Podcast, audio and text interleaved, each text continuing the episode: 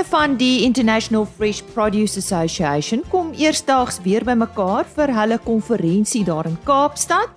Ons het weer nuus oor 'n veiling en hierdie keer gesels ek met Johan Pastorius van On Top Drought Masters. Dit gebeur gereeld dat boere vra vra op 'n Facebook blad en eerder die raad volg van 'n vriend of 'n buurman as 'n kundige raadpleeg. Ons hoor wat Dr Karel Miller van die Universiteit van Stellenbosch hieroor te sê het. My naam is Lise Roberts. Goeiemôre. Dit is in RC Landbou vir oggend. Baie welkom. Het eers landbou nuus. Namibiese boere is genoop om van hul vee te verkoop om veeverliese weens die droogte te vermy. So sê die land se Agribank, die totale aantal beeste wat bemark is, het in Maart 2023 met 49% gestyg teenoor die vorige maand se verkope. 'n Groei syfer van 103% in lewendige uitvoere is ook waargeneem. Volgens die Vleisraad van Namibië sal die getal lewendige uitvoere sowel as slagbeeste na verwagting voortgaan om opwaarts te beweeg en verder tot dalende veepryse bydra. En 'n hof in Brasilië het die uitvoer van lewendige beeste vanuit al hulle hawens in die land verbied. Die uitspraak waarteen appel aangeteken mag word is onlangs deur 'n federale regter, Jalma Gomez, gemaak. In sy uitspraak het hy gesê diere is nie besittings nie, maar gevoelige lewendige wesens. Die Nasionale Forum vir die Beskerming van Diere, 'n nie-regeringsorganisasie in Brasilië, het in 2017 'n hofsaak in Sao Paulo aanhange gemaak en versoek dat alle lewendige beesuitvoere verbied word. En goeie nuus vir boere in die Gamtoos Vallei. Jy sal onthou dat ek met Renet Koleski van die Gamtoos Besproeiingsraad gesels het oor die damvlakke en wonderlike reën wat hulle ontvang het. Nou uh volgens syfers wat ek op 'n gereelde basis ontvang, het die Kouga dam se vlak sedert die begin van Julie met byna 10% gestyg en staan nou daarby om en by 40%.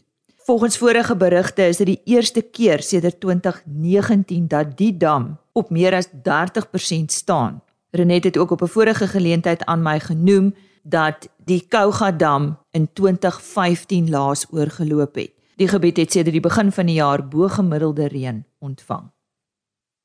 IFPA of die International Fresh Produce Association se Suider-Afrika konferensie vind vanaf 1 tot 3 Augustus by 'n Century City konferensiesentrum in Kaapstad plaas.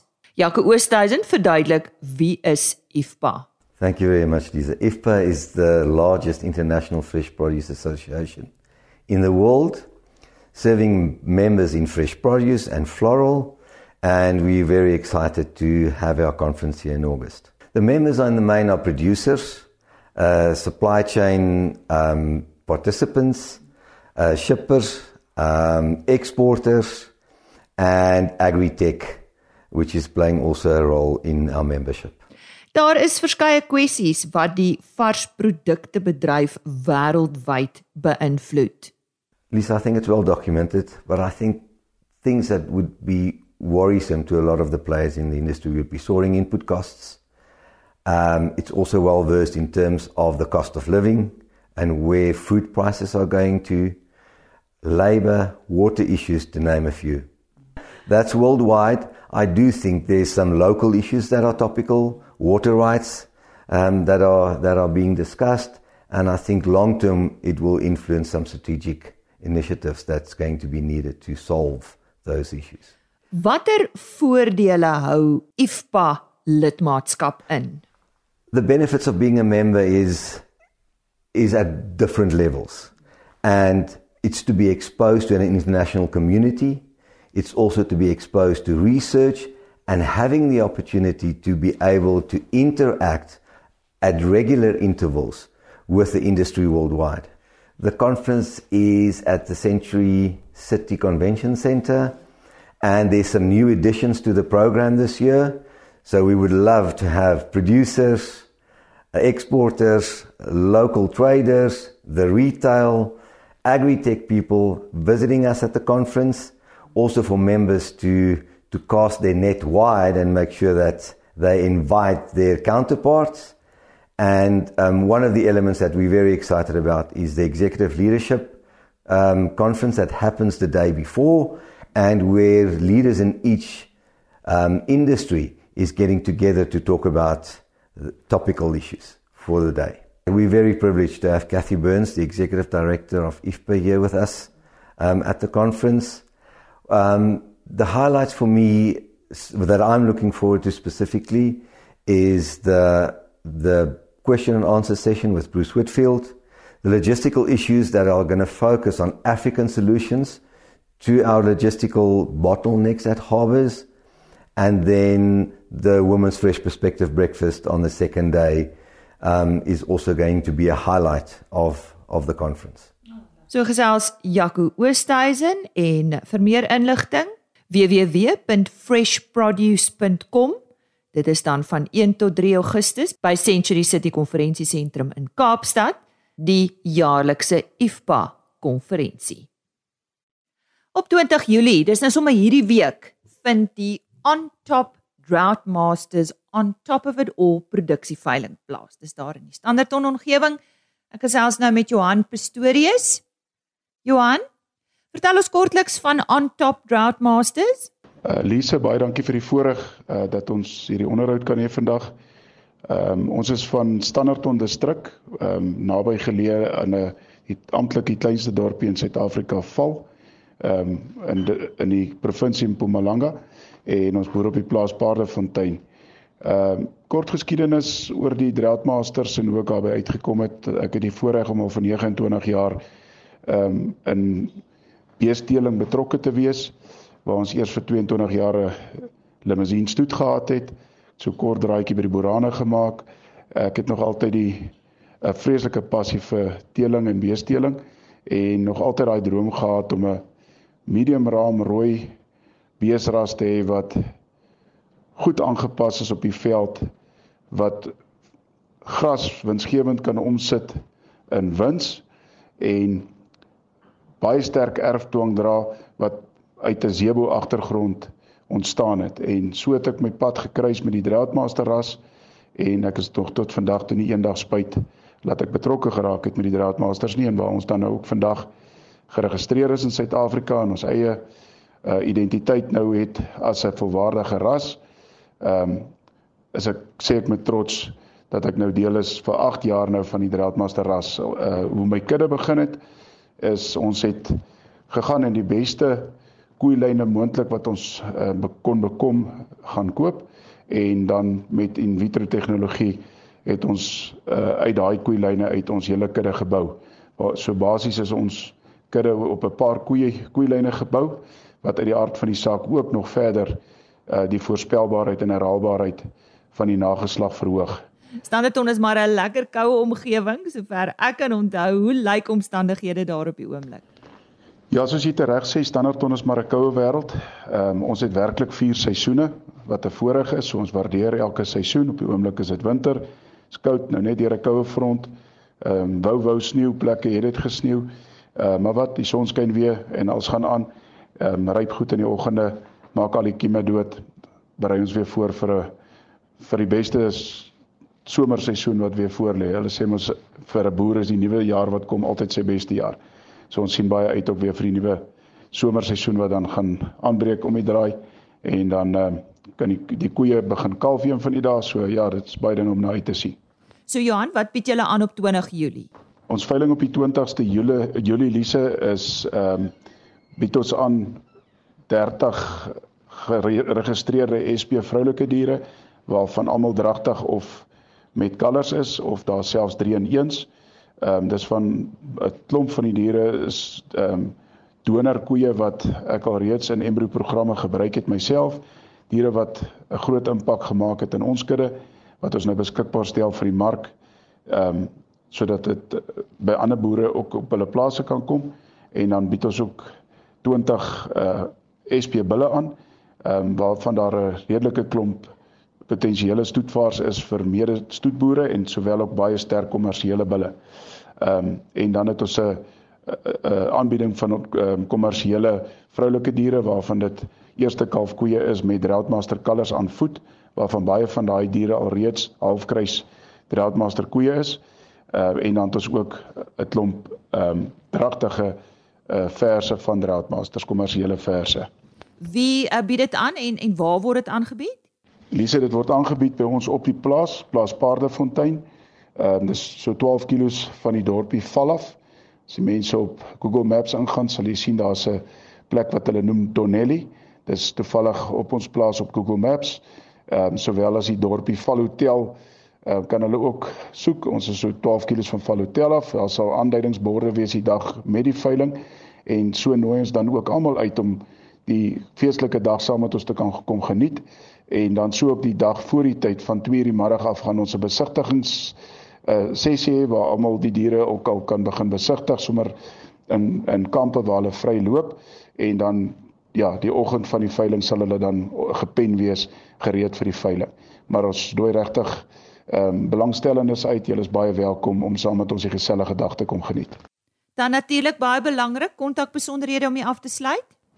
Uh Lise my kontak besonderhede Johan Pistorius ehm um, 083 630 8090. Ek herhaal 083 630 8090. Nogmaals baie dankie vir die voorreg ehm um, dat julle my die onderhoud toegestaan het en ehm um, baie dankie uh, vir die luisteraars ehm um, wat hulle tyd uh, aangewend het om te luister na hierdie onderhoud en dan hoop ek om julle by ons veiling te sien. Sterkte vir almal en mag mag julle wonderlike week verder hê. Johan Pastorius wat ons daar vertel het van die On Top Drought Masters on top of it all produksie veiling 20 Julie op die plaas Parefontein, Standerton en kom ek herhaal sy kontak besonderhede 083 630 8090 As jy nou eers ingeskakel het, goeiemôre. Jy luister na RSG Landbou. Baie welkom. Nou ja, ek weet nie van jou nie, maar ek is wel skuldig aan die volgende onderwerp en dit is om eerder 'n vriend of 'n buurman te raadpleeg vir raad en uh dit wels glo jy nogal daardie raad, maar as dit kom by 'n boerdery en jy vra iemand anders as 'n kundige kan dit jou dalk duur te staan kom. Ek gesels met Dr Karel Miller, hy's navorsingsgenoot by Universiteit Stellenbosch. Nou Karel, ons het al talle kere met jou by RC Landbou gesels en dan verwys jy na die vrae of opmerkings op 'n Facebookblad Boere Gesels, dink ek is die naam. Hoe gewild is sosiale media deesdae vir raad of vrae en en waarom? Hallo Lise, ja, en goeiemôre aan aan jou en die luisteraars. Nee, ek ek dink dit lyk vir my dit is nogal taamlik gewild. Dit is ehm um, ek dink die rede hoekom dit is is dit omdat dit maklik is om 'n uh, iemand te vraag te vra. En uh jy weet dit is uh dit is so maklik soos die selfoon wat in jou sak is en jy haal hom uit en jy en jy stel 'n vraag en ehm um, iewers gaan daar iemand wees wat 'n wat 'n mening het En uh ek glo die meeste het maar as hulle die vraag vra het hulle maar die hoop dat daar iemand wat daar 'n antwoord sal gee. Kyk, 'n mens moet onthou dat die dat die die voorligtingdienste wat wat boere toegang tot gehad het, het, het baie verander oor die laaste 30 jaar. In die staatsdiens byvoorbeeld het dit heeltemal verander. Ja, is nog voorligtingsbeamptes, maar hulle het deesdae baie meer ander werk Dan het jy in die ou dae het jy koöperasies gehad, jy het melkkopers gehad, het voorligtingdienste gehad en daai daai funksies het eintlik verdwyn. En ehm uh, voermaatskappye het nog het nog en semenmaatskappye het nog verteenwoordigers. Maar ek sien deesdae die voermaatskappye is ook meer mense wat 'n uh, verhoudingsbestuurder het as wat hulle tegniese kennis het en en dan is hulle ook nie altyd ehm um, uh jy weet ehm um, die nodige kennis om oor 'n wyeer onderwerp ehm um, te uh, antwoorde te gee nie. So ek dink dit is 'n dis net gewoon omdat dit maklik en beskikbaar is. So wat is jou opinie oor hierdie roete wat dikwels gevolg word? Kyk my eerste reaksie wanneer ek dit sien, ehm um, en ek en ek kyk nou maar hoofsaaklik op boere gesels en ek sien daar's ander ehm um, uh Facebook bladsye ook wat wat uh, mense raad kan vra. My eerste reaksie is gewoonlik is daar 'n kundige gevra in die proses.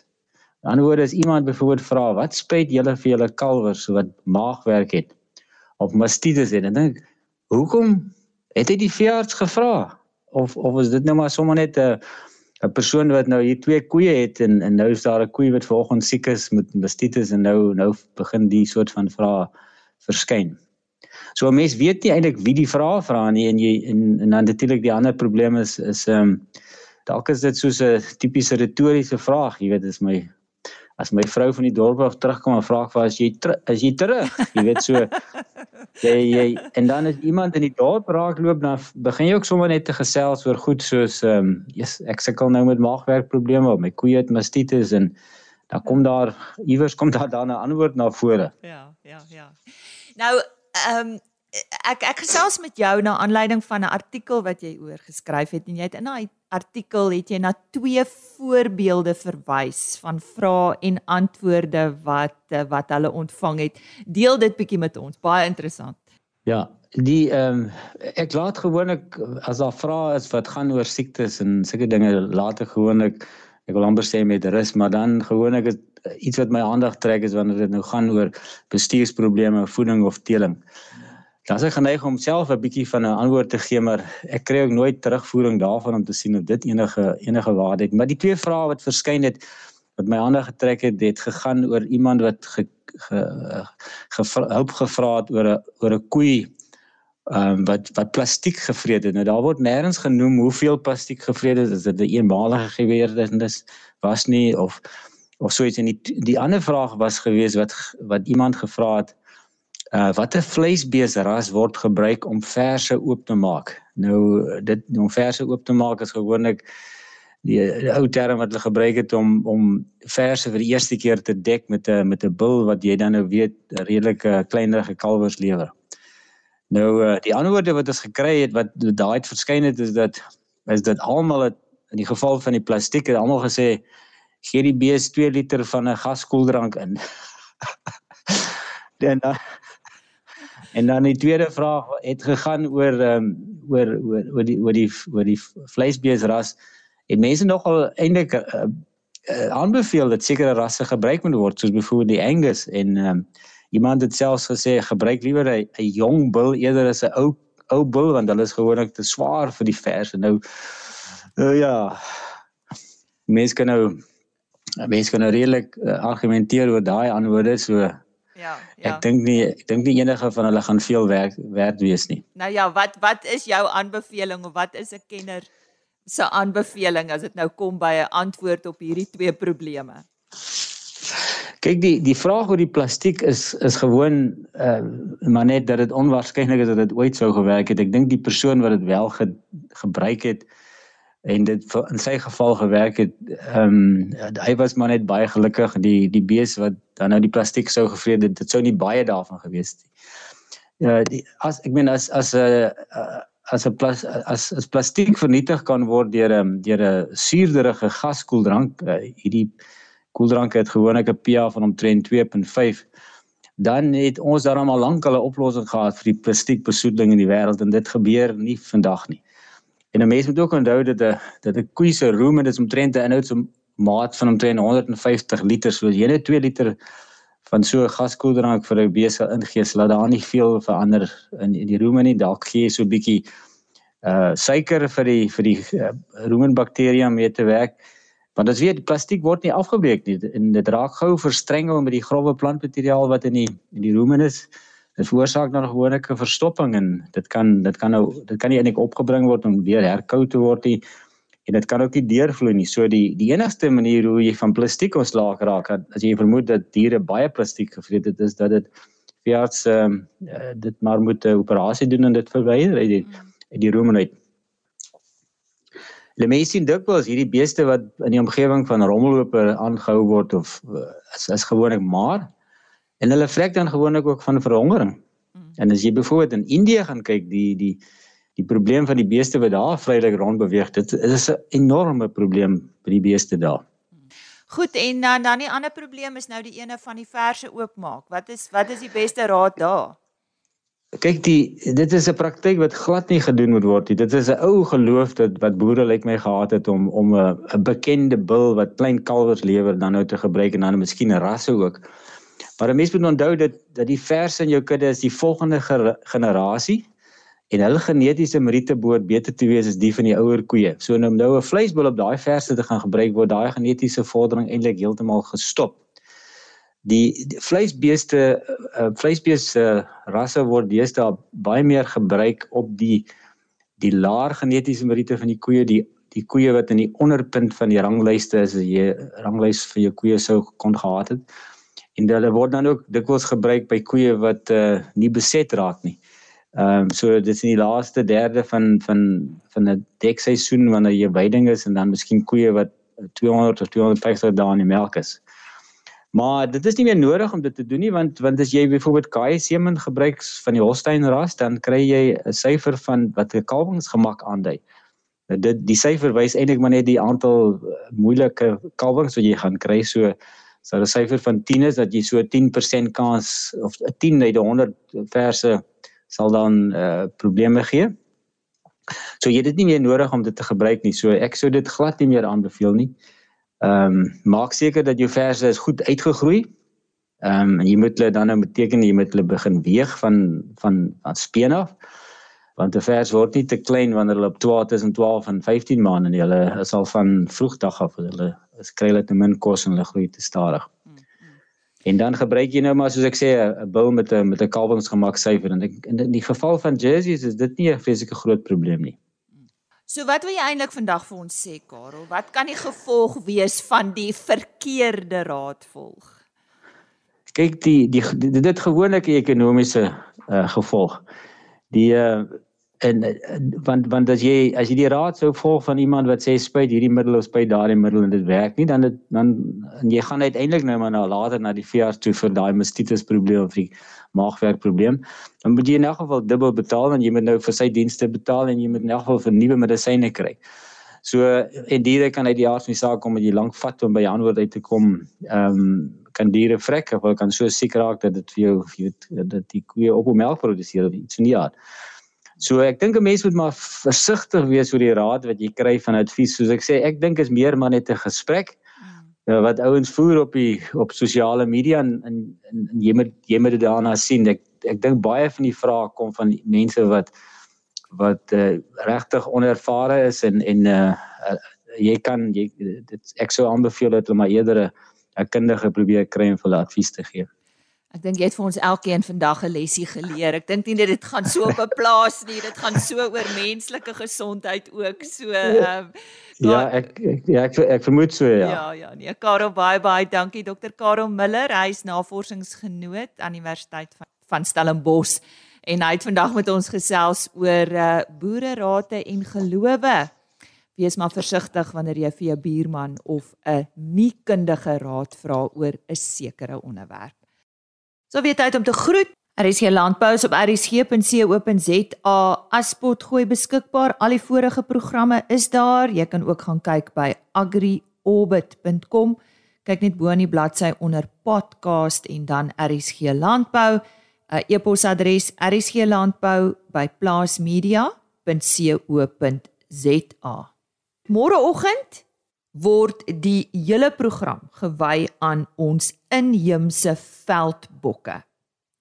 Ek het die voorreg gehad om by die voorsitter van die inheemse veldbokteelersgenootskap van Suid-Afrika Gerard Lourens se plaas te gaan kuier. Ons het daar 'n opname gedoen. Ons gesels met hom oor die verskillende ekotipes. Hy het baie mooi verduidelik watter eienskappe het 'n goeie veldbok en ons gesels ook oor hulle markte en die genootskap. Dis môreoggend. Ek sien uit om weer saam met jou te kuier.